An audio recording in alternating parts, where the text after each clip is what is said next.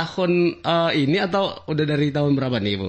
Uh, saya dilantik tuh Desember 2020. Desember Jadi 2020. Baru. Oke, baru ya. Iya. Ya sudah berarti tepat rasanya kalau kita mengucapkan selamat untuk Ibu hmm. uh, Uci, yang wakilnya Ibu Uci ya. Iya. Oke, ini lebih dekat kalau untuk Anda yang ingin bertanya juga berkaitan dengan topik kita hari ini yaitu penguatan internal kontrol keuangan untuk pencegahan fraud di 08 triple 1 360 979 baik via telepon via SMS dan juga via WhatsApp kita buka untuk Anda yang ingin bertanya. Di luar sana mungkin banyak yang sudah familiar juga dengan waspadalah, waspadalah, waspadalah. Bang Nafi, itu uh, ada kaitannya dengan topik kita hari ini karena sebenarnya apa yang menjadi faktor-faktor pemicu atau juga penyebab munculnya misalnya uh, perilaku fraud atau juga kecurangan dalam diri seseorang itu uh, kita harus tetap uh, yang apa namanya waspada gitu ya.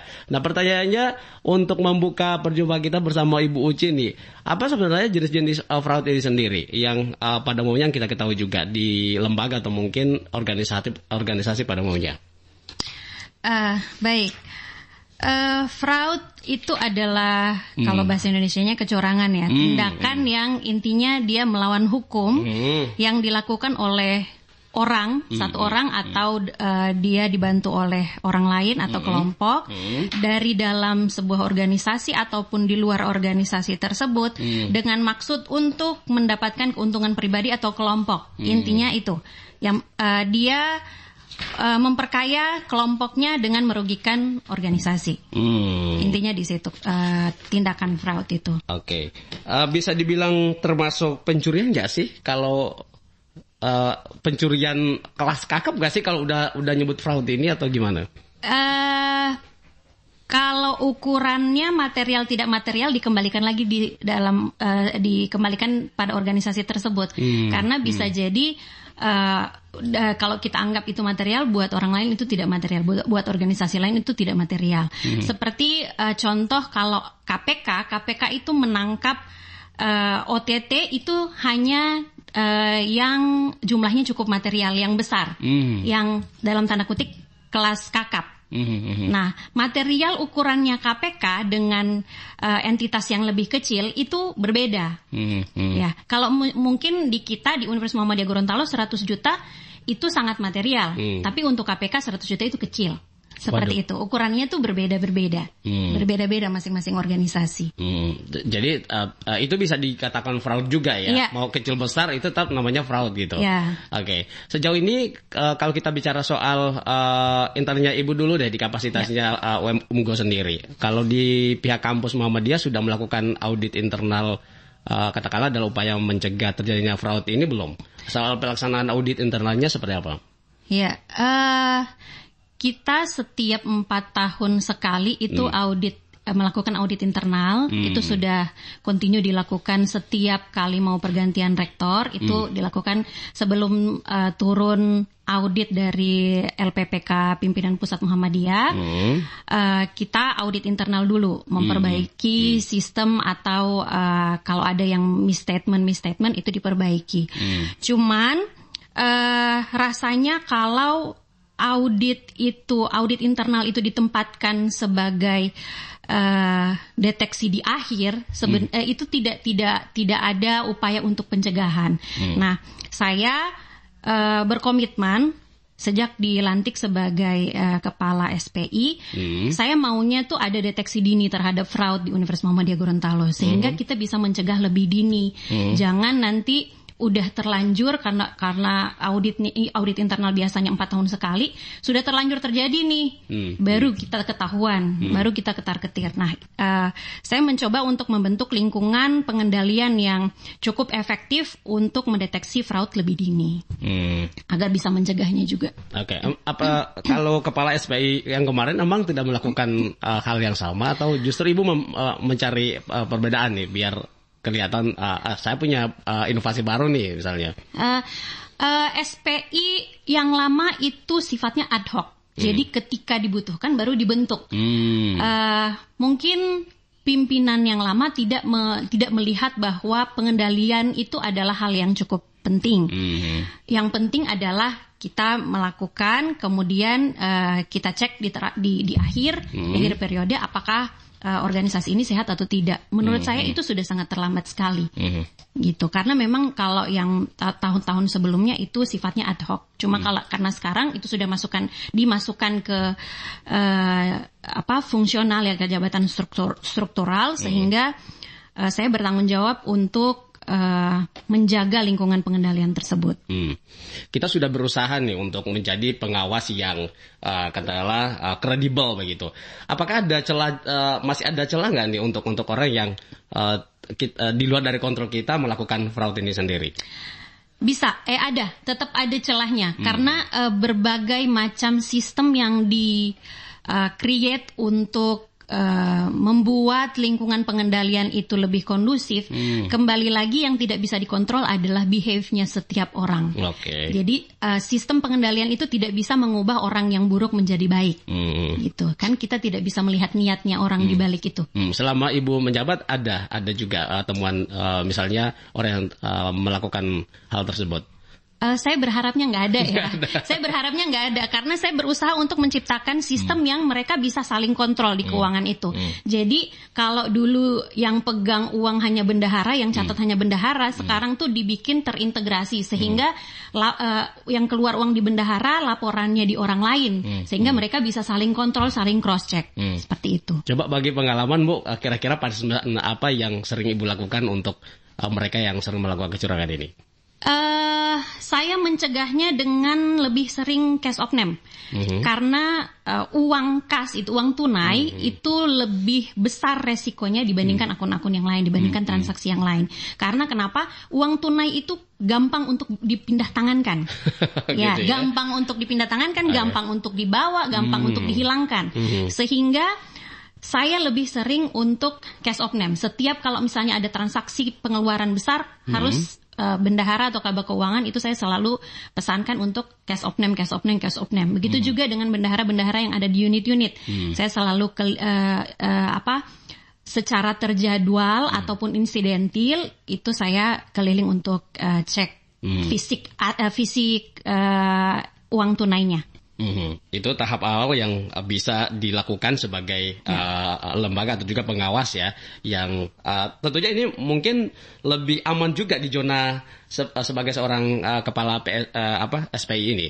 sebagai case of name-nya itu memang uh, apa namanya step yang paling aman juga dilakukan.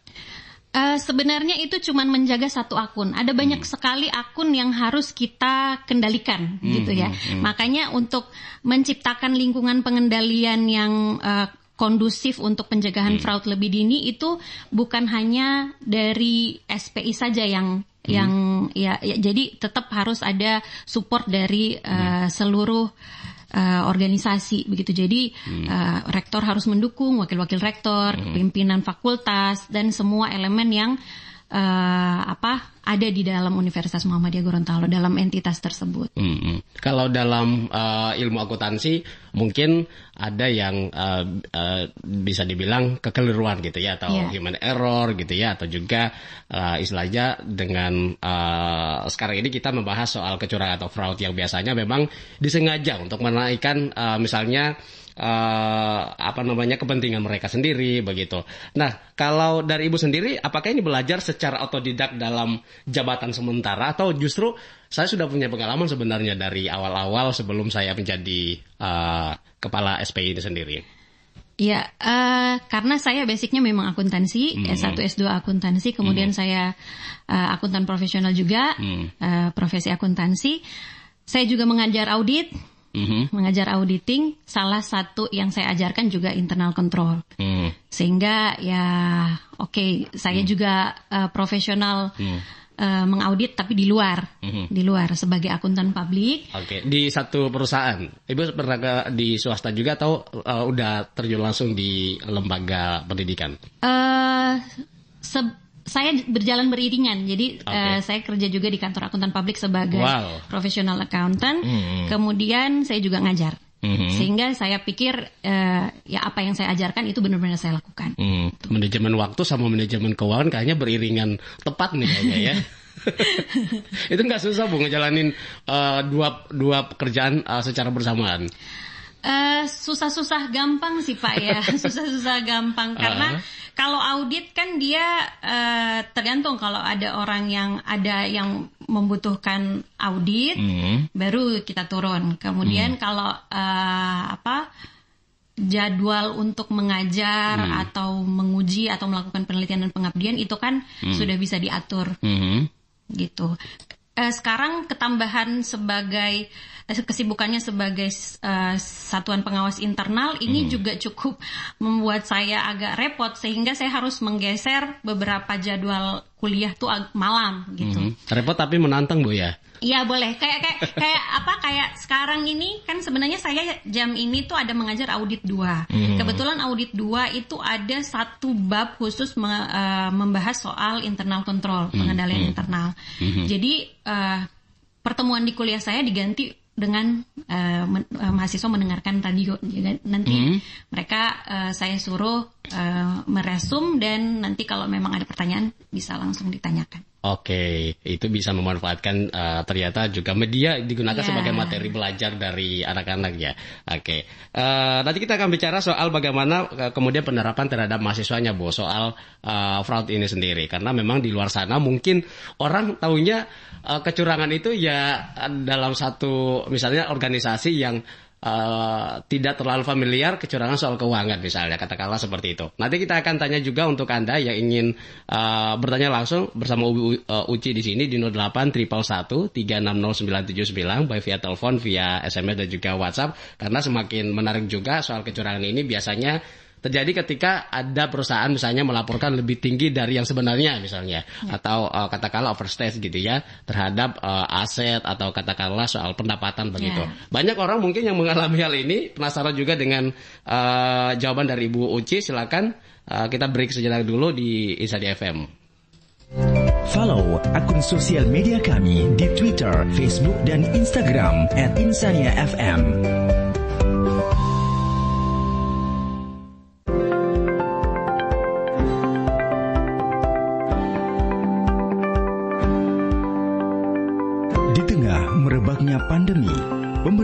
terus berupaya agar bangsa Indonesia bisa keluar dari jeratan pandemi. Salah satunya dengan terus melakukan uji coba vaksin. Harapannya, dengan vaksin yang baik, kita dapat mengurangi jumlah penderita dan meningkatkan imunitas mereka yang belum terinfeksi. Kita tidak perlu takut untuk divaksin, karena keberanian kita adalah keberanian bangsa untuk tahun uh, ini atau udah dari tahun berapa nih Bu? Uh, saya dilantik tuh Desember 2020. Desember Jadi 2020. Baru. Oke, baru ya. Ya. Ya sudah berarti tepat rasanya kalau kita mengucapkan selamat untuk Ibu hmm.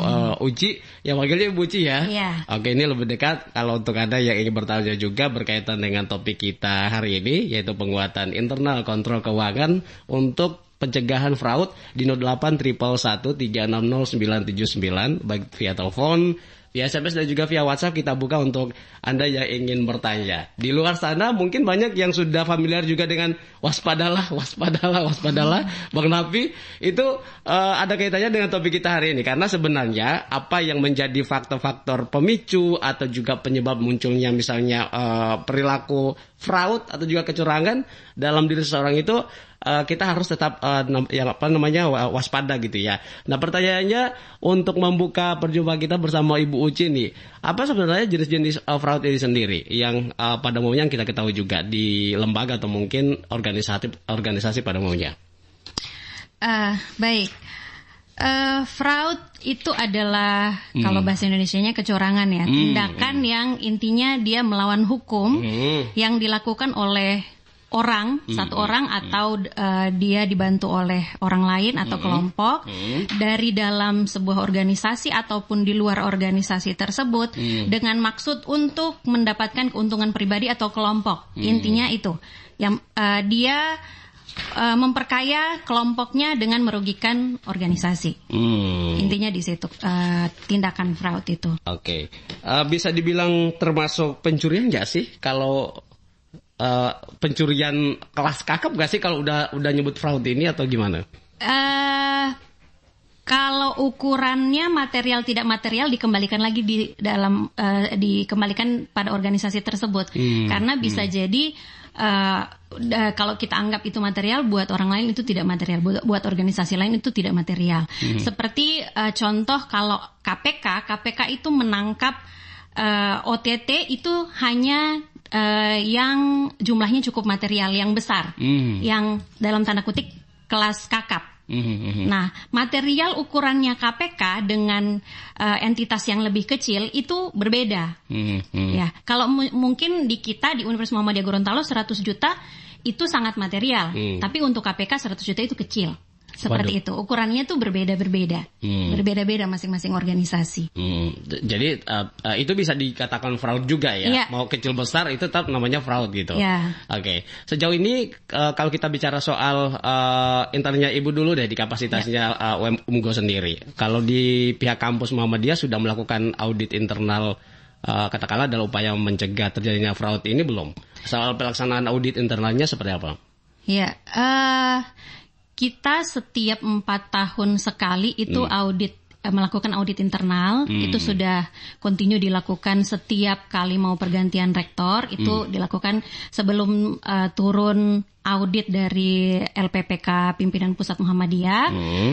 uh, kita audit internal dulu memperbaiki hmm. sistem atau uh, kalau ada yang misstatement misstatement itu diperbaiki hmm. cuman uh, rasanya kalau audit itu audit internal itu ditempatkan sebagai uh, deteksi di akhir seben, hmm. uh, itu tidak tidak tidak ada upaya untuk pencegahan. Hmm. Nah, saya uh, berkomitmen sejak dilantik sebagai uh, kepala SPI, hmm. saya maunya tuh ada deteksi dini terhadap fraud di Universitas Muhammadiyah Gorontalo sehingga hmm. kita bisa mencegah lebih dini. Hmm. Jangan nanti udah terlanjur karena karena audit nih audit internal biasanya empat tahun sekali sudah terlanjur terjadi nih hmm. baru hmm. kita ketahuan hmm. baru kita ketar ketir nah uh, saya mencoba untuk membentuk lingkungan pengendalian yang cukup efektif untuk mendeteksi fraud lebih dini hmm. agar bisa mencegahnya juga oke okay. apa kalau kepala SPI yang kemarin emang tidak melakukan uh, hal yang sama atau justru ibu mem, uh, mencari uh, perbedaan nih biar kelihatan uh, saya punya uh, inovasi baru nih misalnya. Uh, uh, SPI yang lama itu sifatnya ad hoc. Hmm. Jadi ketika dibutuhkan baru dibentuk. Hmm. Uh, mungkin pimpinan yang lama tidak me, tidak melihat bahwa pengendalian itu adalah hal yang cukup penting. Hmm. Yang penting adalah kita melakukan, kemudian uh, kita cek di, di, di akhir, hmm. di akhir periode apakah uh, organisasi ini sehat atau tidak. Menurut mm -hmm. saya itu sudah sangat terlambat sekali. Mm -hmm. Gitu. Karena memang kalau yang tahun-tahun sebelumnya itu sifatnya ad hoc. Cuma mm -hmm. kalau karena sekarang itu sudah masukkan dimasukkan ke uh, apa fungsional ya ke jabatan struktur struktural sehingga uh, saya bertanggung jawab untuk uh, menjaga lingkungan pengendalian tersebut. Hmm. Kita sudah berusaha nih untuk menjadi pengawas yang uh, katakanlah uh, kredibel begitu. Apakah ada celah uh, masih ada celah nggak nih untuk untuk orang yang uh, kita, uh, di luar dari kontrol kita melakukan fraud ini sendiri? Bisa, eh ada, tetap ada celahnya hmm. karena uh, berbagai macam sistem yang di uh, create untuk uh, membuat lingkungan pengendalian itu lebih kondusif, hmm. kembali lagi yang tidak bisa dikontrol adalah behaviornya setiap orang. Okay. Jadi uh, sistem pengendalian itu tidak bisa mengubah orang yang buruk menjadi baik, hmm. gitu kan? Kita tidak bisa melihat niatnya orang hmm. di balik itu. Hmm. Selama ibu menjabat ada ada juga uh, temuan uh, misalnya orang yang uh, melakukan hal tersebut.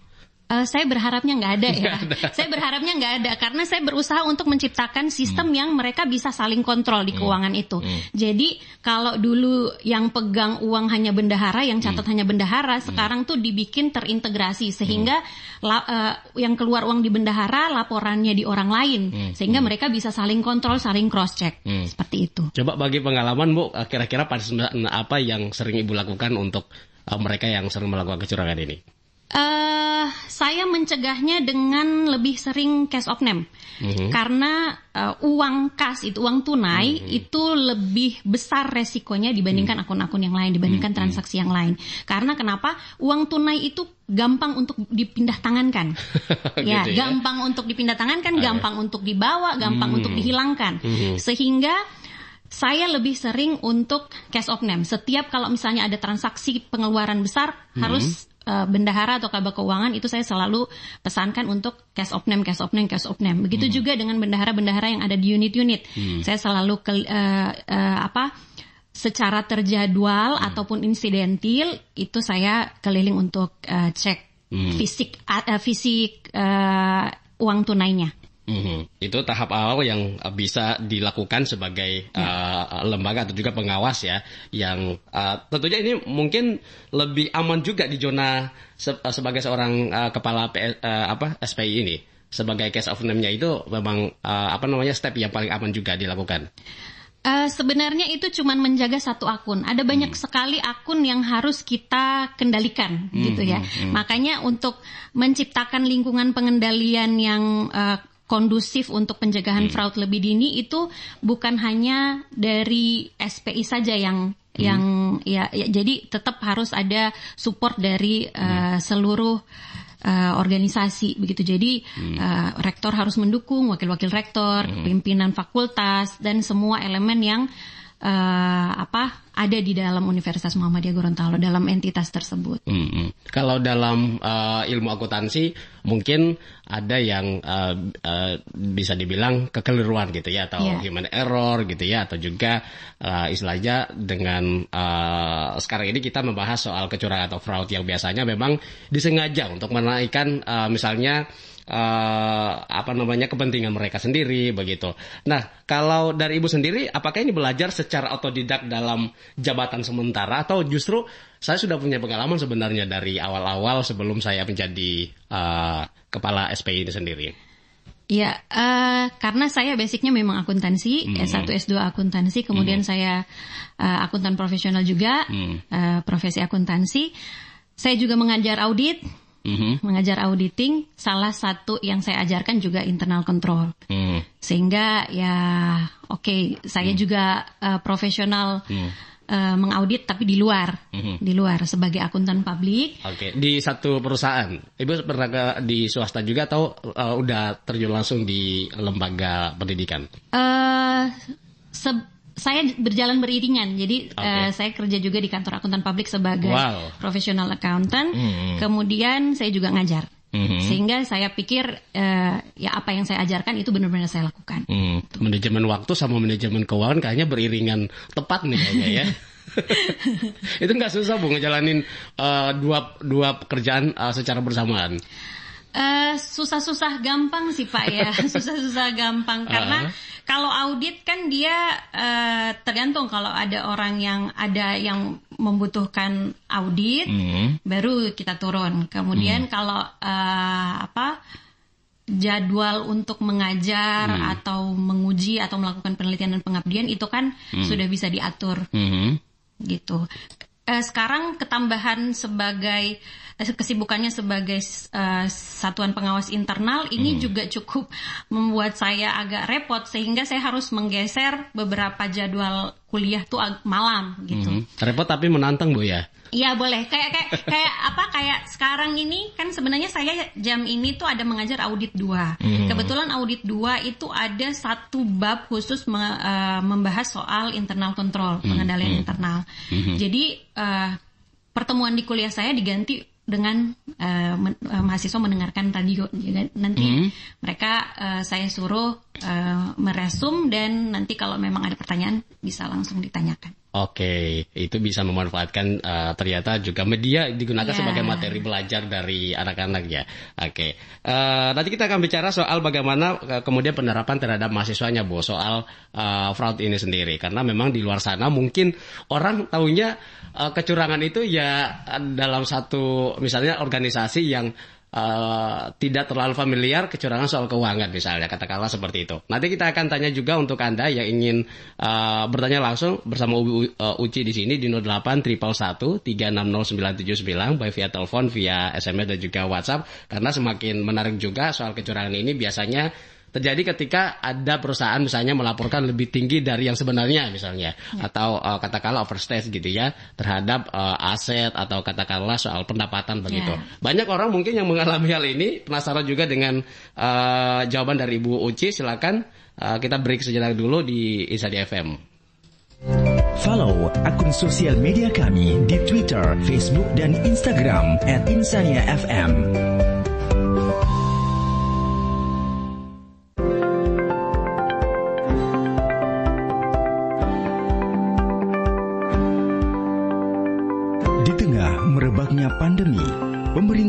terus berupaya agar bangsa Indonesia bisa keluar dari jeratan pandemi Salah satunya dengan terus melakukan uji coba vaksin. Harapannya, dengan vaksin yang baik, kita dapat mengurangi jumlah penderita dan meningkatkan imunitas mereka yang belum terinfeksi. Kita tidak perlu takut untuk divaksin, karena keberanian kita adalah keberanian bangsa untuk